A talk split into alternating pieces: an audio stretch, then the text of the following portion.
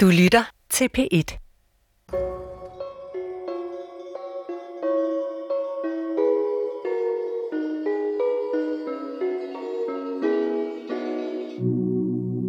Når døden er tæt på, så begynder næsen at blive spids. Og det kan man se for hver dag, der går, at den bliver mere og mere spids. De har tør mund, og der kommer en anden duft ud af munden. Et eller andet sted begynder du jo at gå i forrådnelse indvendigt, og det dufter jo ud af munden. Det kan ikke undgås. Og så har de ofte fået taget deres tænder ud. Kinderne falder ind, øjnene falder ind. Det er i hvert fald en af de ting, man rigtig kan se, at nu var det ikke længe. Kroppen bliver kold. Jeg mærker altid efter på fingrene og tæerne, for det er der, man bliver kold. Og øh, hvis du begynder at blive iskold på dine fingre og tæer, så er det også et godt dødstegn. Først så bliver man øh, lidt gullig, og så øh, når døden er indtruffet, så bliver man lidt mere grå, og så går man hen og bliver lidt mere hvid i hudfarven. Og der bliver bare stille og roligt og fredfyldt inde i det rum. Og var vinduet ikke åbent, så lukker man vinduet op og skynder sig lidt at tænde et lys.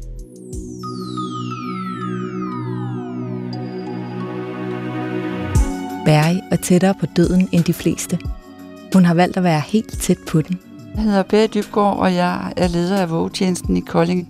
Sammen med andre frivillige tager hun ud til fremmede, døende mennesker og våger over dem. For ingen skal dø alene.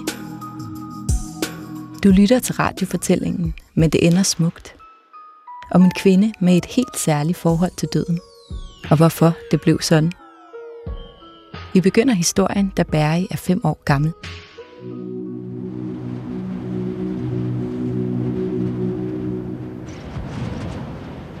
Det var snestorm, og vi havde fået vores fine tøj på. Det er første gang, jeg nogensinde kan huske, at vi fik fint tøj på til jul. Og på et tidspunkt, hvor jeg tror, alle andre de var ved at danse om juletræet, der slogs de, så det møblerne de suste rundt i lokalet. Og så siger jeg til min store søster, nu, nu går vi altså. Kom, vi skal ud herfra, før der sker noget. Og så gik vi ud med bare ben og bare arme er der er pullerne mørkt. Vi kan se, at naboerne har gæster. Og vi kunne dufte maden. Går småløber op til politistationen. Og da vi kommer derop, der kunne jeg ikke engang kigge over disken. Men vi måtte jo gå, for de ville jo ikke tro på os. Men så er der alligevel et eller andet, der har rørt sig på dem, fordi da vi når halvvejs hjem, der kommer de så kørende i politibilen og stopper og spørger, om vi vil køre med. Og det gør vi jo så. Og så kommer de jo ind og får syn for sagen, at det halve hjem er splittet ad, og der ligger en mor og skriger og åndssvagt, ikke også? Og, og han sad jo med en bajer i hånden. Men de kunne godt se, hvad der havde foregået. De kunne også godt se, at der ikke var noget mad. Der var ingenting jo vel, altså så... Og så røg min mor ud til udpumpning, og min far han røg lige i detentionen.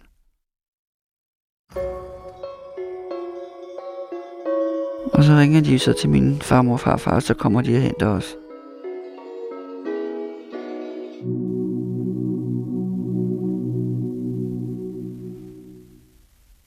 Jeg træder ind ad døren, der dufter af cigaretrøg og spiritus. Og så kommer man ind, og der er så meget fuglefrø overalt, og man tænker, det er længe siden, der er blevet gjort rent her. Og midt i stuen er der sat en hospitalseng op. Jeg gør, som jeg gør alle andre steder. Kigger på borgeren og ser, hvordan vedkommende har det. Der er ingen kontakt. Han er lige kommet hjem fra sygehuset. Og det eneste, han har bedt om, det var at få et glas gin. Man kan nærmest ikke få øje på ham, fordi han er så lille og afkræftet og tynd. Du lige ved at kan se ribbenene på ham, så tynd er han. indfalden, både i kinder og i øjne, og han reagerer ikke på noget som helst, man siger eller gør eller rører. Og var der til om morgenen, hvor vedkommende så går ind og dør. Han kunne mærke, at jeg var der. For der var sådan en ro over ham. Der bliver en mærkelig fredfyldthed, når døden indtræffer. Ligesom smerten er væk, pinen er væk, angsten er væk.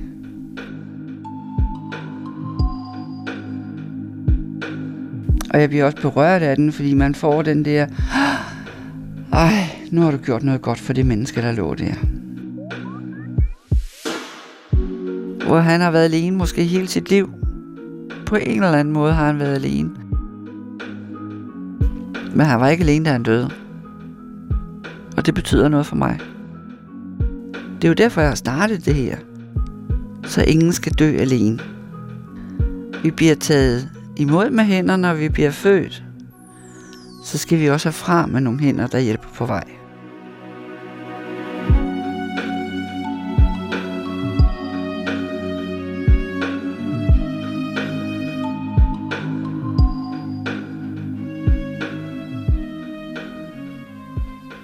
Det er en lørdag. Det er min konfirmationsdag. Og der sidder vi og spiser morgenmad. Og selvfølgelig havde man da kriller i maven og alt det der. Og, og så kommer den der lige pludselig. Der er noget vigtigt, vi skal fortælle dig. Og det er, at din far, han er altså ikke din far. Nu er det sagt, og så er der ikke mere at snakke om der.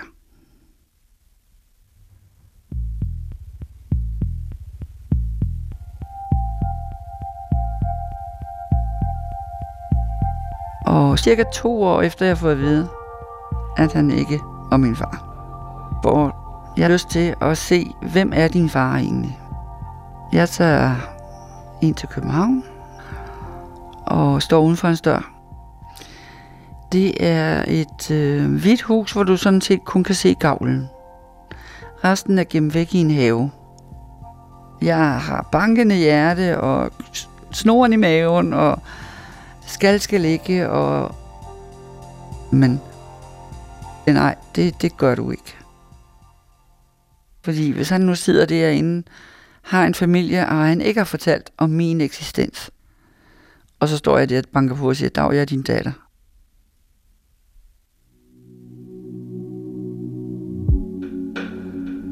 Jeg flytter hjemmefra, da jeg er omkring 14 år. Og der skulle jeg købe møbler alle de der ting, jeg nu skulle bruge. Og jeg skulle også selv finde min lejlighed. Jeg går både i skole og på arbejde, så jeg kan det overleve. Jeg er vasket op i et øh, kafeteria. Jeg har det dejligt, jeg har ro på, der er ikke nogen, der er fuld hjemme hos mig jo. Ja, så finder jeg jo en kæreste. Og han synes jo, det er fedt, at jeg har en lejlighed, så han flytter jo straks ind.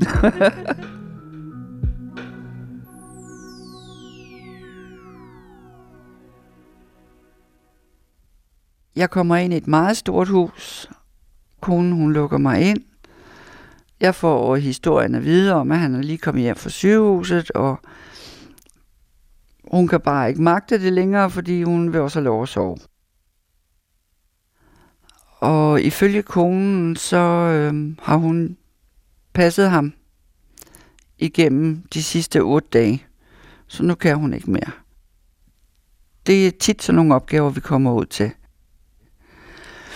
Og øh, vi kommer ind, og jeg hilser på manden. Han er kontaktbar, og han er meget snøvlende.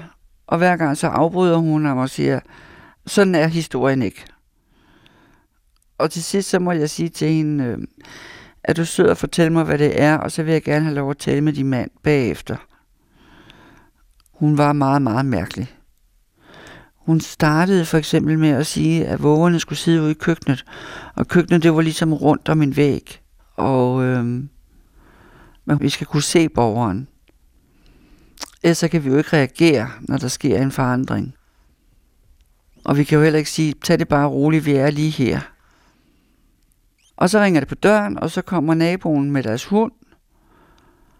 Og så siger de, hvordan går det med manden? Jamen, de skulle ikke blive ved med at spørge efter, hvordan det gik med manden, fordi det var hende, det var synd for. Det var jo ikke manden, fordi han havde jo omsorg nok af hjemmesygeplejen, og, og nu stod der også en våger, og det var jo hende, der sådan set var den, der havde det værst. Og så kommer jeg ind til manden og får den tale med ham, som jeg gerne ville, med hvordan har du det, og der ser jeg en lidt forvirret mand, som egentlig havde den allerstørste lyst til at hoppe ud af den seng der. Og hvis vi, kone og jeg, talte sammen, så ville han gerne have, at det foregik, så han kunne høre alt, hvad der blev sagt, fordi han var så bange for, at der blev snakket om ham. Og øh, når om natten, så de første par timer, der snakkede han ligesom et vandfald. Han havde lavet mange forskellige ting om på huset, og, og konen, hun øh, kom op mange gange i løbet af sådan en nat der. Det var som om, hun lå med døren åben og en babyalarm, og hver gang der var den mindste smule, så stod hun der. Jeg tror, han var ensom.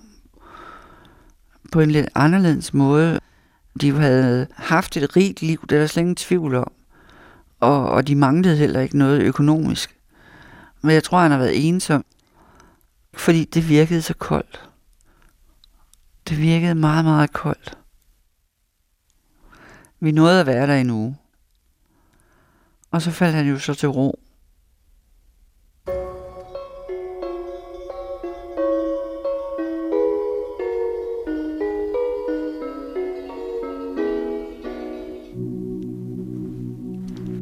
Og vejrtrækningen bliver tungere og tungere. Og længere og længere imellem. Og så bliver der bare ro så bliver der total ro. Så er det ligesom, det sidste suk bliver taget. Og der bliver bare stille og roligt og fredfyldt inde i det rum. Og så får jeg sådan en lykkeros indeni, og jeg ved godt, det lyder mærkeligt, men der bliver en fred og en idyl, og en, jamen altså, det, det skal opleves, det kan ikke beskrives.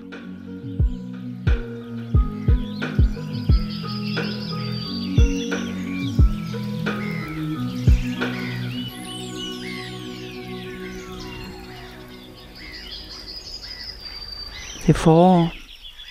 Det er 5. maj. Jeg står foran vores dør i min lange hvide kjole. Og tænker, hvad fanden sker der lige her? Jeg lige blev gift. Og så pludselig står man der foran døren og er låst ude. Han havde i de år, vi kendte hinanden, inden vi blev gift, der havde han nærmest båret mig på hænder og fødder.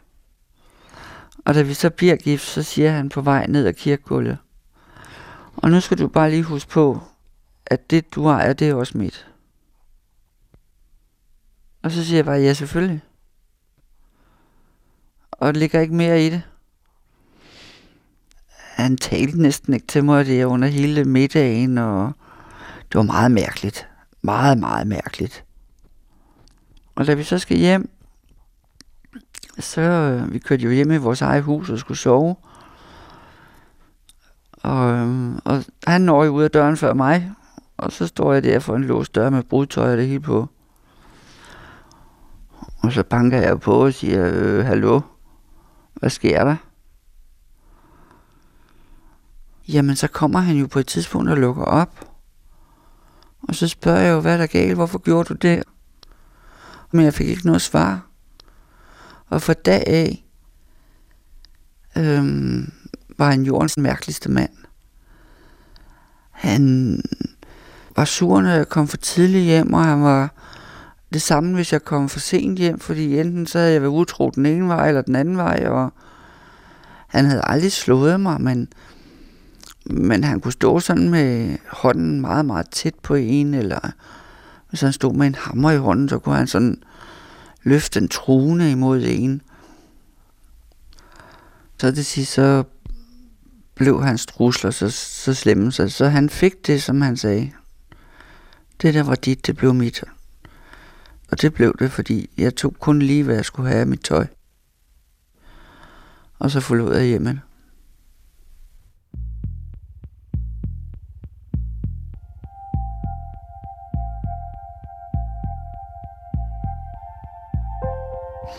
Og så mange år efter begynder jeg at skrive til ham, min far. Jeg starter selvfølgelig med at skrive øh, kære og hans navn. Jeg skriver ikke far.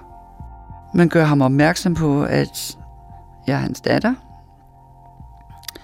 Og at jeg for mange år siden havde stået uden for hans dør, men ikke ville gå ind. Men nu var jeg så voksen, så nu kunne jeg godt tænke mig, hvis han havde lyst til at hilse på mig. Så skrev han tilbage, at det ville han gerne. Jeg tror, han skrev kære. Og så mit navn. Jeg havde lavet en kurv med forskellige gode ting i, og en blomst til hans kæreste, og ja, han bor i det samme hus. Og jeg buller, og jeg ringer, og jeg gør ved hvad. Der er ingen, der lukker op. Så jeg stiller det, jeg har taget med, og lægger et lille brev i, at jeg havde været der, som vi havde aftalt, og at jeg var skuffet og ked af, at han ikke var hjemme. Men han kunne skrive, hvis han havde lyst til at se mig. Så det stillede jeg uden på trappen.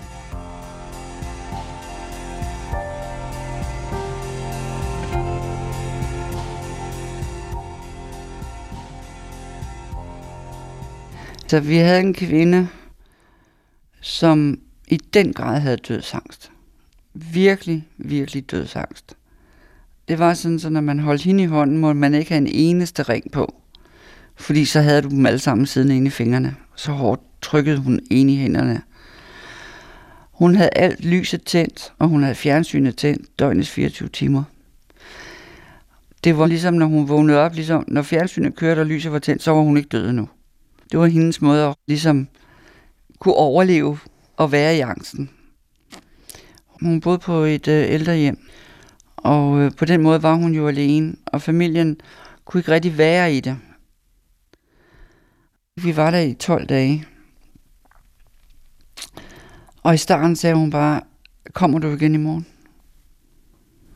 Og når man så kom næste dag, så kunne man godt mærke på hende, at nu var hun sværere, nu kunne hun ikke rigtig snakke. Men hun kunne blinke, og hun kunne nikke, når man sagde til hende, skal vi gøre det for dig, eller skal vi gøre det for dig. Men sådan for hver dag, der gik, der blev hun ringere og ringere.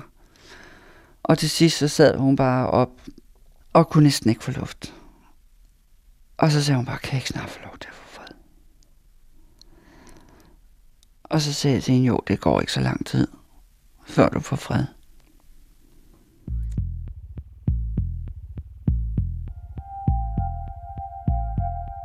Et stykke tid efter, jeg tror nærmest et år efter, så siger jeg, nej, nu tager jeg ind og ser min far. Nu ved han ikke, at jeg kommer, så nu gør jeg det. Og jeg kører der ind og banker på. Og der er heller ikke nogen, der lukker op. Men jeg kan høre stemmer derinde. Så min nysgerrighed, den er så stor, så jeg går havevejen og råber, hallo hele vejen. Er der nogen hjemme? Og der sidder så hans samlever og samlevers datter. Først så bliver de vrede over, at jeg går havevejen, hvor jeg så forklarer dem, at jeg har ringet på og banket på, men jeg kunne høre, at der var nogen her, og nu havde jeg faktisk lyst til at komme ind og hilse på min far. Jamen, jeg kom for sent, for han var død.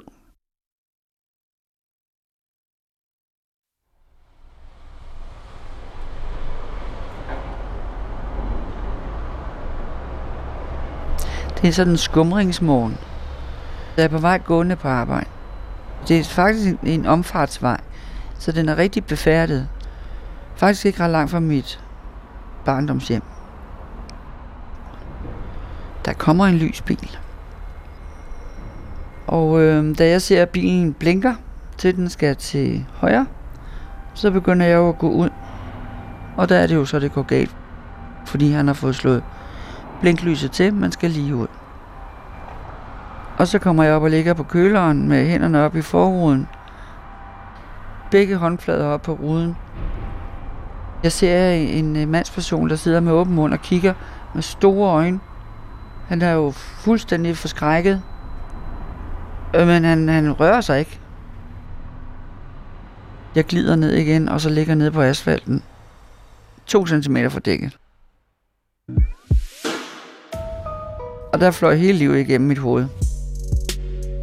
Jamen, øh, det eneste, jeg har tænkt på, det er, at det kan også være lige meget. Jeg har nok følt, øh, at hvis man dør, så får man frihed.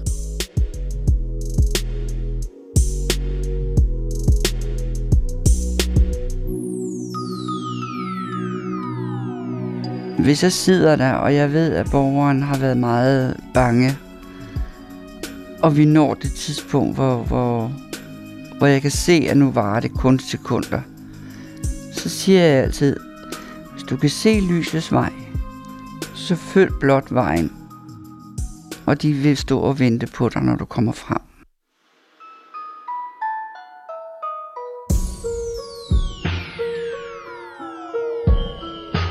Og der sker noget meget, meget forunderligt, fordi nogle af dem får et lille smil om munden. Nogle kommer med en lille øhm, grinelyd, grøntelyd. Og, og det er, må jo være, fordi at det, jeg siger, det er rigtigt på en eller anden mærkelig måde, fordi når de kan smile, og når de kan øh, grine højt, så må det være, fordi der står nogle kager i den anden ende og venter på dem. Jeg tror, lysets vej er en varm vej. Og ude i enden af den tunnel er der et meget varmt lys. Og jo tættere du kommer, der begynder folk, som du kender, at stå og smile og nikke og ligesom vise dig vejen så kommer der flere mennesker, der holder af dig, og så begynder der at komme blomster og sommerfugle.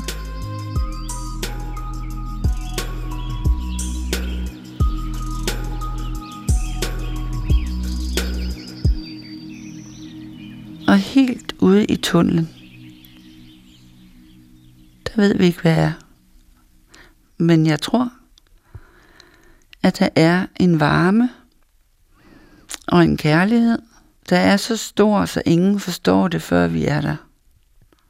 Og derfor tror jeg, at de smiler og de klukler, fordi de ser de aller, aller kæreste stå med åbne arme og sige, kom du hen til mig. Hvis du aldrig har været elsket, så bliver du det i dødens stund. Det er måske derfor, jeg har det sådan med døden, som jeg har det kan ligefrem se de der blomster og sommerfuglene, der pifler rundt derude, ikke også? Du ved, når du sådan kommer ud sådan en sommermorgen, meget tidlig morgen, og så, åh, den der friske luftduft.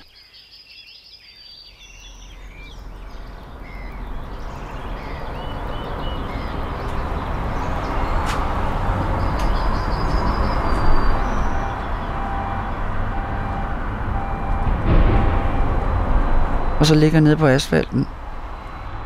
Og man tror faktisk, nu er det slut. Men folk dytter, og jamen, der er jo morgentrafik der klokken halv syv om morgenen. Så begynder man at samle sig lidt, når, Nå, nu må du vist hellere til at komme op af den asfalt her. Og da jeg får gjort det, så kører han. Og jeg humper på arbejde. Og som dagen den gik, så fik jeg mere og mere ondt i min knæ. Og da vi nåede aften, der var det ligesom en håndbold, mit knæ. Så jeg var godt klar over, at jeg er nødt til at gå til læge.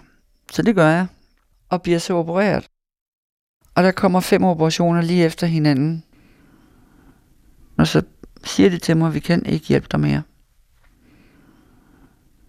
Og har ikke kunnet arbejde i mange år. Og jeg har heller ikke kunne være noget for nogen i mange år. Det kan godt være, det er derfor, det var så magtpålæggende, at jeg skulle blive våger så, så har det måske taget lidt overhånd, men pyt, Jeg er glad for det, og jeg elsker det.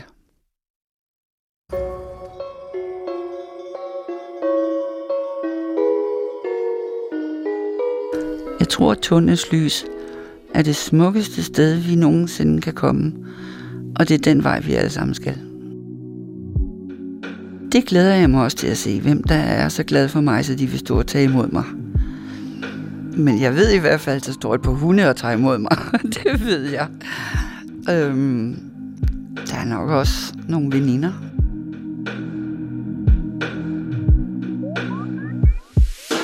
Der skal nok være nogen. Min farfar. Han vil nok også stå og tage imod mig. Og min farmor. Som jeg kender. De andre kender jeg jo desværre ikke. Min far. Men det kan jo være, at jeg kommer til det. Når jeg kommer ud igennem tunnelen.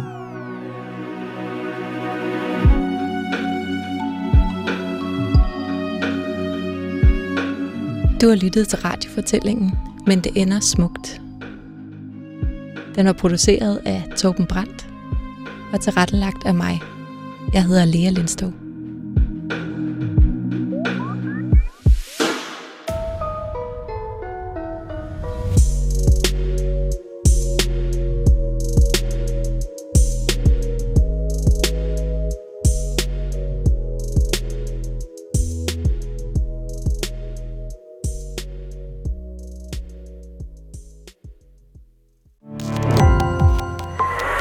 Opdagelse i alle DR's podcast og radioprogrammer. I appen DR Lyd.